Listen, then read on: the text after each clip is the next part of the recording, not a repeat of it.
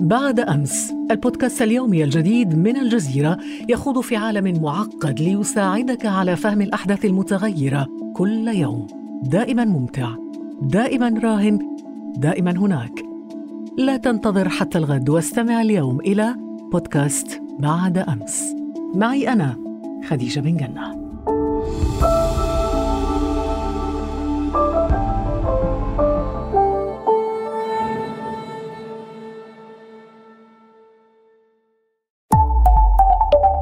الجزيرة بودكاست. ارتكزت هذه الحلقة إلى البحث في المراجع والمصادر الموثوق بها وكتبت بضمير المتكلم لمقتضيات العمل الدرامي.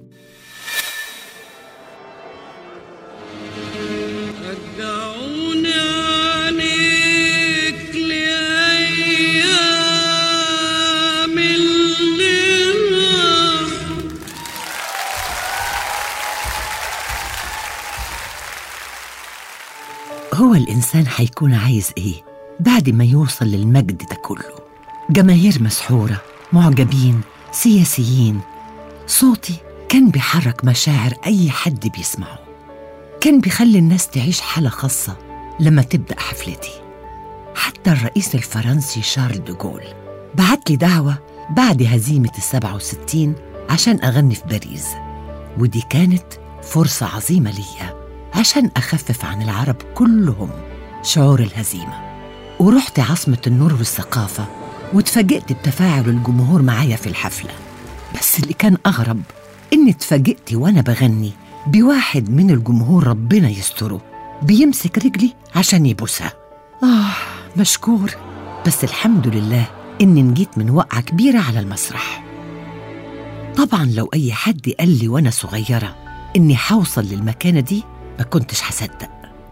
أنا سومة وفي الحلقة دي من بودكاست رموز من الجزيرة هحكي لكم كل تفاصيل حياتي من لما كنت بنت صغيرة في طمي الزهايرة لحد ما بقيت أم كلثوم صوت مصر وهرمها الرابع والست اللي مفيش حد يجهلها في كل العالم العربي. وطبعا زي كل حلقة في بودكاست رموز هتكون معايا سيلينا. لأن مفيش رمز في الدنيا مفيش عليه علامات استفهام. وأنا معاكم في الحلقة دي عشان أجاوب على أي سؤال. سأنقل إليك تساؤلات الناس كي نميز بين الحقائق والإشاعات.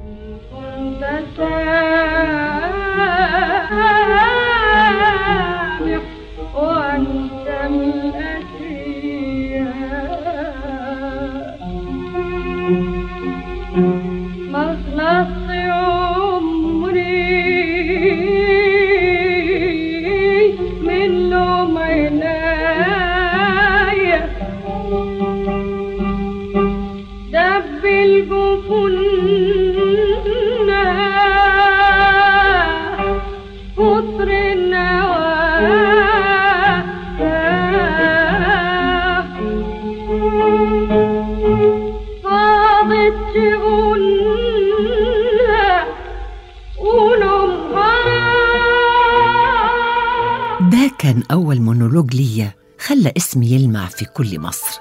فاكرة كل لحظة في حياتي قبل ما أوصل للمرحلة دي وأغني الأغنية دي. فاكرة إزاي كنت بجمع القطن مع أمي؟ فاطمة المليجي في قريتنا. أول حاجة اتعلمتها وحفظتها وأنا صغيرة القرآن الكريم. وفضلت حياتي كلها متمسكة بيه. ما افتكرش مرة إني خرجت من بيتي من غير ما أقرأ آية الكرسي أو رحت حفلة من غير ما أقرأ آيات قرآنية. والدي الشيخ إبراهيم البلتاجي كان بيعلم الغنى لأخويا خالد وكان بياخده يغني معاه في الحفلات.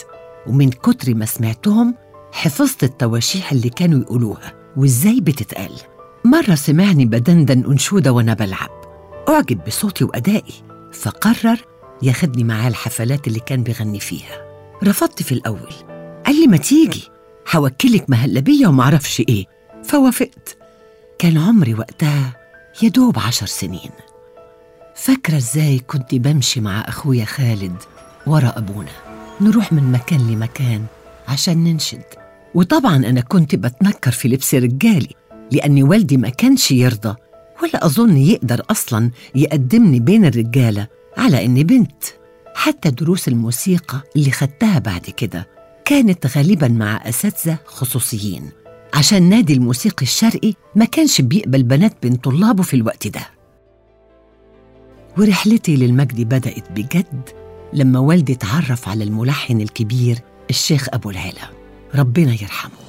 هو أقنع والدي بإننا لازم نروح القاهرة. كان معجب بصوتي وعارف إن هناك أول خطوة في اتجاه الشهرة. كان معاه حق. سنة 23 استقريت مع أسرتي في القاهرة وبدأت أتعلم موسيقى. واستعد عشان أنطلق بشكل أوسع ومهني. كبرت فعلا في القاهرة واسمي بقى على كل لسان.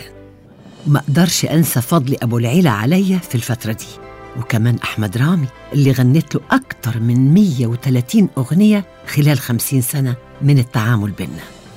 أكيد سمعتوا مثلا أغنية حيرتي قلبي معاك ويا ظالمني افرح يا قلبي عودت عيني على رؤياك. حيرت قلبي معاك وأنا بداري وأخبي. قل اعمل إيه وياك ولا إيه ويا قلبي. واتعاملت كمان مع الموسيقار الكبير محمد الأصبجي اللي كان متبني موهبتي واشتغل كتير على إعدادي فنيا. قصب لحن لي أكتر من ستين لحن. سمعته إن كنت أسامح وأنسى الأسية دي كانت أول أسطوانة ليا معاه. الأصبجي ده كان إنسان مبدع ولحن لكل نجوم الطرب في عصره. بس هو قرر يعزف عود في فرقتي عشان يفضل جنب فنانة عشق اسمها. ولما مات ربنا يرحمه فضلت محتفظة بالكرسي بتاعه فاضي ورايا على المسرح. ده كان تقدير مني لدوره ومشواره معايا. ربنا يرحمك يا قصب وطبعا أغلبكم عارف إن جت فترة اشتغلت فيها مع النجريدي أحمد صبري النجريدي اللي لحن لي أغنية الخلاعة والدلاعة مذهبي. ياه دي كانت غلطة كبيرة قوي في مسيرتي. كانت زلة ألم من توقيع يونس القاضي وأنا اتبنيتها ودفعت تمنها. عشان كده لمينا كل الأسطوانات من السوق وأحمد رامي عدل كلمات الأغنية وبقت الخفافة واللطافة مذهبي. محدش بيتعلم بالساهل برضه عشان كده بعد الغلط ده بقيت متشددة جدا في اختياري للكلمات. أما الملحن رقم واحد في حياتي وأكتر شخص كان في بينه وبين صوتي كيمياء فنية فكان رياض السنباطي رياض هو اللي لحن لي أغنية الأطلال ودي تعتبر تاج الأغنية العربية ومن أروع مئة أغنية عربية في القرن العشرين. ناس كتير ما تعرفش لحد دلوقتي إني دمجت في الأغنية دي مقاطع من قصيدتين للشاعر إبراهيم ناجي قصيدة الأطلال والوداع. وقصيدة الأطلال دي ليها قصة غريبة قوي مع الشاعر إبراهيم الناجي. قصة جميلة مؤثرة جدا. ناجي سافر برا مصر عشان يدرس طب ولما رجع عرف إن حبيبته اتجوزت في غيابه. وفي ليلة من الليالي سمع حد بيخبط على بابه وبيطلب منه مساعدته عشان مراته بتولد وحالتها متعسرة. ناجي أخد شنطته ونزل مع الراجل بسرعة. ولما وصل البيت اتفاجئ إن الأم اللي محتاجة مساعدة هي حبيبته اللي اتجوزت وهو متغرب. طبعا ناجي عالجها وتمت الولادة. ولما رجع على بيته كتب قصيدة الأطلال. يا فؤادي يا فؤادي لا تسل أين الهوى؟ طبعا شغلي مع كل الكبار دول خلى اسمي يكبر في مصر والجمهور كرمني بحبه وتشجيعه وتقديره ليا ولصوتي والتشجيع والتقدير ده جالي كمان من رأس الدولة من جلالة الملك نفسه. غنيت في القصر والملك حب صوتي جدا. مش بس حبه ده كمان قلدني بوسام الكمال. محدش يقدر يتخيل إحساسي وقتها بالمسؤولية بسبب الوسام ده. تخيلوا إن في أميرات رجعوا الأوسمة بتاعتهم للملك بسبب الموضوع ده. اعتبروا إن كوني فلاحة ده انتقاص ليهم. نجم أم كلثوم كان بيلمع في كل مكان. حتى أيام حرب الثمانية وأربعين لما كانت فرقة من جيشنا البطل متحصرة في الفلوجة حيدر باشا وصل لي رسالة منهم بيطلبوا مني أغني لهم في حفل الخميس أغنية غلبتي أصالح في روحي. وغنيت لهم فعلا وحسيت إني بحارب معاهم وهم بين أنياب الصهاينة. قلوب تصالح في روح عشان ما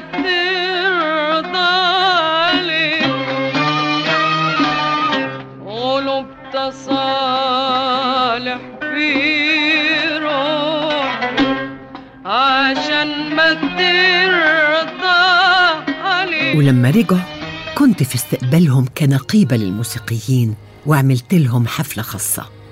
بس بعد ثورة 52 اللي أنهت حكم الملك في مصر انقلبوا علي الضباط الأحرار.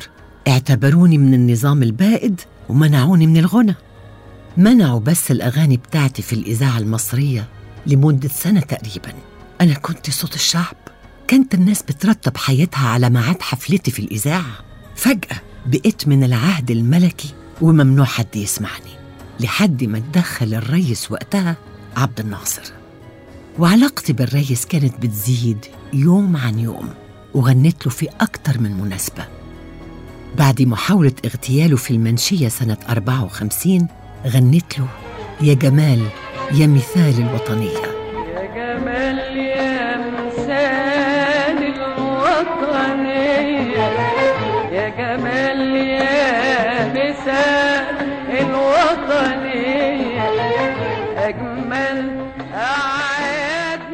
وبعد نكسة 67 عبد الناصر حمل نفسه المسؤولية واستقال. عبد الناصر حبيب الشعب لازم يفضل. عبد الناصر الخير والنور هو البركة كلها يا عالم. كان لازم أغني له وأتكلم باسم الشعب وأقول له ابقى فأنت حبيب الشعب.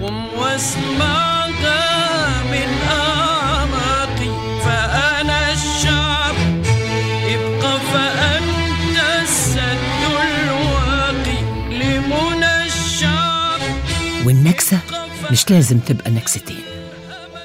الله يرحمك يا ريس. ما حدش زعل على وفاته زيي. في ناس ممكن تقول إني كنت بتملق الريس لما كان عايش بس الحقيقة غير كده خالص. عبد الناصر قدر يأسر قلوبنا كلنا. لما مات الريس رسيته في أغنية كتبها نزار أباني ولحنها رياض السنباطي ومن كتر العياط والبكا وأنا بسجل الأغنية قعدنا يمكن عشرين ساعة بنسجل فيها. بس الأغنية ما اتذاعتش بطلب مني. ما كنتش عايزة أشوشر على الريس الجديد. البلد مش مستقرة وأنا لازم أكون جنبها. ما كل هذا التناقض يا أم كلثوم؟ لقد غنيت للملك وللثورة عليه ولعبد الناصر البطل القومي وللنكسة التي كان بطلها. وعندما رحل رفضت الغناء منعا للشوشرة على الرئيس الجديد السادات. هذا احتراف للعب مع السلطة. لا أبدا طبعا. أنا بحب بلدي ودايما واقفة في صفها. البلد كانت محتاجة صوتي عشان تقاوم إحساس النكسة. أنا كنت قريبة من السلطة بسبب صوتي ومجدي. بس ده مش معناه إني كنت صوتها أبدا. أنا صوت مصر والعرب كلهم. كل رمزي معرض للإشاعات.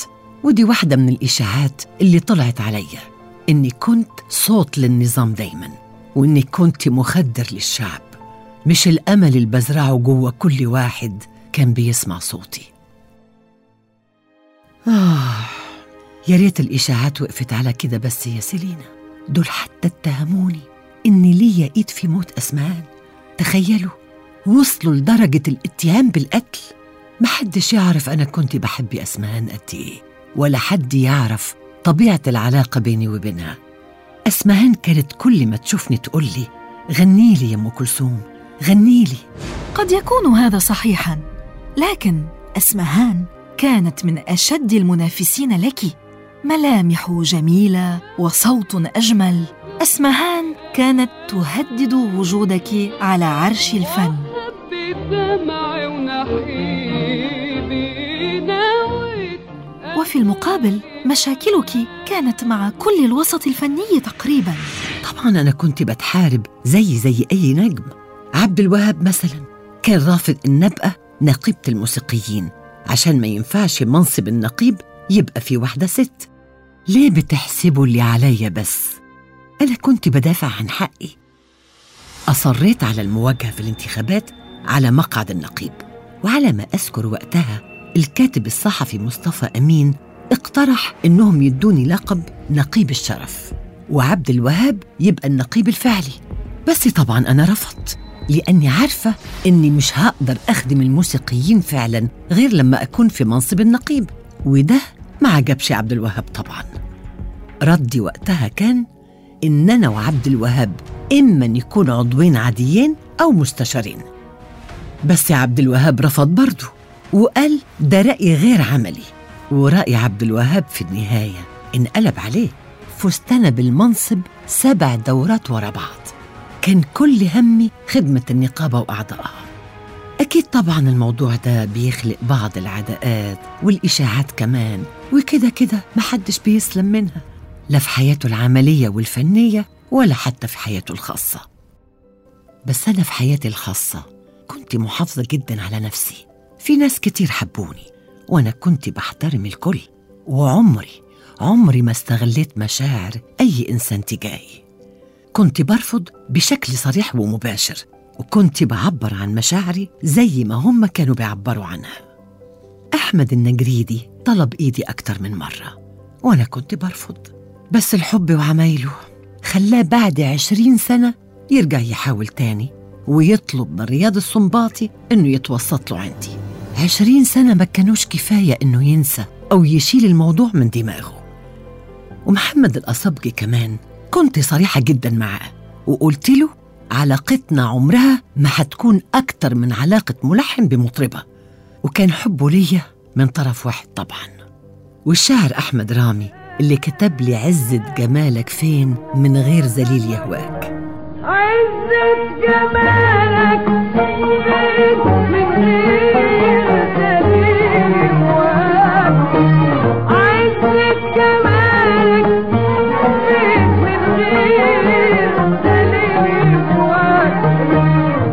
كمان طلب إيدي وأنا كنت مترددة شوية. أحمد إنسان مثقف وعلمني اللغة الفرنسية وكنت مخصصة يوم الاثنين ليه. نقعد نتناقش ونتبادل شؤون الأدب والثقافة. بس ما حصلش نصيب في النهاية برضه وقبل ما تسألي عن محمود الشريف إحنا اتجوزنا لفترة قصيرة جدا. ما كانش مكتوب للجوازة دي إنها تستمر على كل حال. وأنا في النهاية اخترت طبيبي دكتور الأمراض الجلدية حسن الحفناوي واستمريت معاه لآخر يوم في حياتي. آخر أيام حياتي ما كانتش سهلة. كانت معاناة مع المرض والتعب. كان عندي التهاب في الكلى وسافرت لندن عشان أتعالج. وقبل ما أسافر طلبت من صالح جودة يكتب لي قصيدة بمناسبة نصر أكتوبر. ولما رجعت من السفر طلبت من الملحن رياض السنباطي تلحينها عشان أغنيها في عيد النصر. بس ما لحقتش أغنيها. آخر أغنية غنيتها كانت ليلة حب في نوفمبر 72 وعشت بعدها حوالي سنتين وكم شهر قبل ما تتقفل صفحة حياتي للأبد في 3 فبراير 75 بسبب قصور القلب.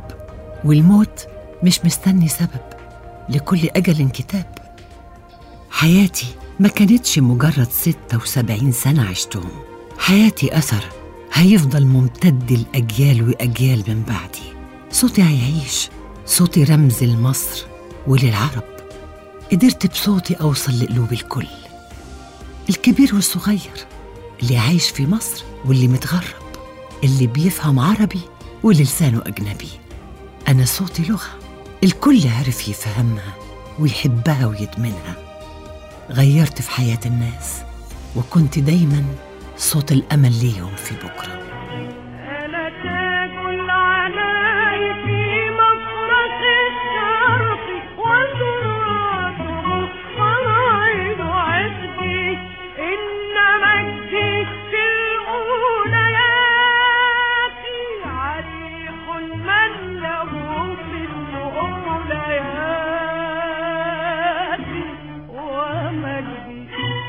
هكذا غيب الموت أم كلثوم إلا أنه لم يغيب صوتها وأثره في حياتنا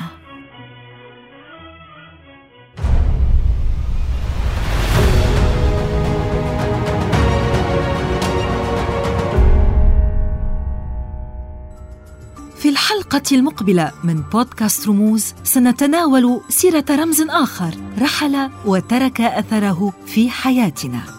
لا تفوتوا حلقتنا المقبلة يوم الأحد المقبل. ويمكنكم الاستماع إلينا عبر جوجل بودكاست أو أبل بودكاست أو ساوند كلاود. فقط ابحثوا عن الجزيرة بودكاست. كما لا تنسوا مشاركة هذه الحلقة وزيارة موقعنا على الإنترنت podcast.aljazeera.net كانت معكم سميرة وسيلينا من بودكاست رموز من الجزيرة. إلى اللقاء.